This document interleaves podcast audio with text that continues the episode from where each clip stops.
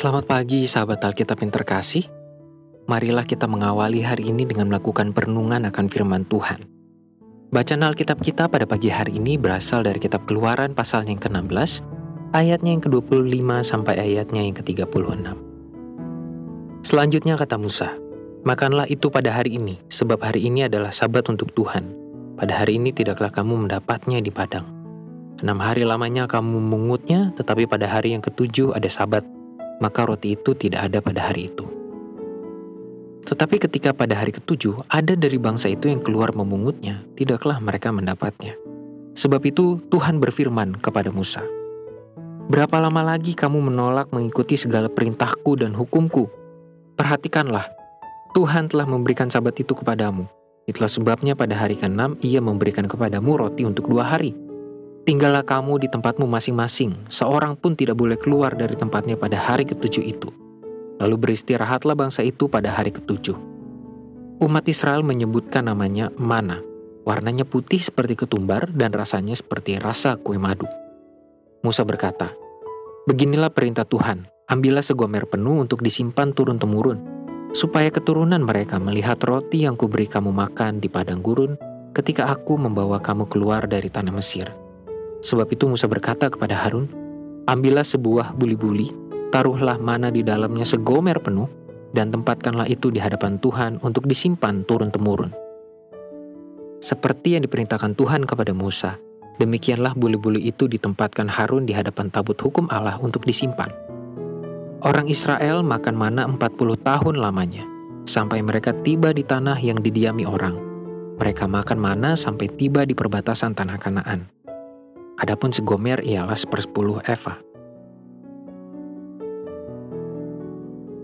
Hari Sabat memang menjadi salah satu bahasan penting dalam Yudaisme maupun kekristenan. Terdapat banyak nilai teologis yang memengaruhi banyak aspek beriman – bukan hanya sesuatu yang konseptual, tetapi juga ke dalam kehidupan keseharian. Perintah untuk mengkhususkan hari Sabat dengan menghentikan seluruh aktivitas harian pun muncul dalam perikop ini. Umat Israel tidak dipersilakan untuk memungut roti mana pada hari Sabat, dan ini pun tidak akan memengaruhi kebutuhan mereka. Tuhan sedang memberikan sebuah pelajaran bahwa umat Israel tidak hanya membutuhkan roti mana untuk kebutuhan fisik mereka, tetapi mereka juga membutuhkan firman Tuhan untuk kebutuhan spiritualitasnya. Hal inilah yang tidak mampu dipahami oleh umat Israel hingga mereka memilih untuk melanggar firman Tuhan tersebut. Perilaku beberapa umat Israel dalam perikop ini cukup mudah untuk dianggap sebagai sebuah kebebalan di hadapan Tuhan.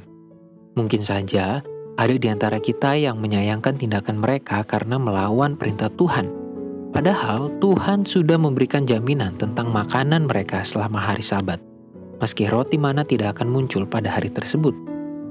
Tuhan sudah memastikan bahwa kebutuhan mereka akan tetap terpenuhi, sehingga mereka tidak akan kelaparan. Namun, toh ternyata tetap ada beberapa orang Israel yang berusaha mencari roti yang justru menimbulkan kegeraman pada Tuhan. Bersamaan dengan pengalaman bangsa Israel tersebut, Bukankah kita juga sangat mudah untuk melakukan kesalahan yang serupa? Sahabat Alkitab, kita perlu merendahkan hati untuk mengakui betapa mudahnya kita meragukan firman Tuhan atas pertimbangan dan pemikiran manusiawi. Seringkali kecemasan, kekhawatiran, dan logika yang dihasilkan dengan tergesa-gesa justru membuat kita melawan perintah Tuhan. Bahkan tidak jarang berkat yang sedang kita dapatkan justru berubah menjadi perangkap bagi iman kita akibat ketidakmampuan kita dalam menempatkan firman Tuhan sebagai bahan utama dalam menjalani kehidupan. Hal ini juga berlaku sebagai pengingat bagi setiap kita yang mulai kehilangan waktu untuk menikmati firman Tuhan karena merasa terlalu sibuk dengan aktivitas pekerjaan dan sebagainya. Jadi, jangan pernah lupakan firman Tuhan meski apa pun yang sedang kita alami dalam kehidupan ini. marilah kita berdoa. Ya Tuhan, pimpinlah kami, bentuklah hati dan pikiran kami untuk memiliki ketulusan dan fokus agar hati dan pikiran kami tetap terarah hanya kepada Tuhan. Tidak jarang kami terlalu cemas dan logika kami kami biarkan berjalan dengan liar. Sehingga kami justru entah sadar maupun tidak meragukan kuasa dan peran Tuhan dalam kehidupan kami. Padahal terlalu banyak Tuhan, berbagai hal yang telah Tuhan lakukan untuk kami. Mampukan kami untuk terus menyadarinya. Mampukan kami untuk hanya berserah dalam ketulusan kepada Tuhan. Di dalam nama Tuhan Yesus Kristus kami berdoa dan menyerahkan hidup kami. Amin.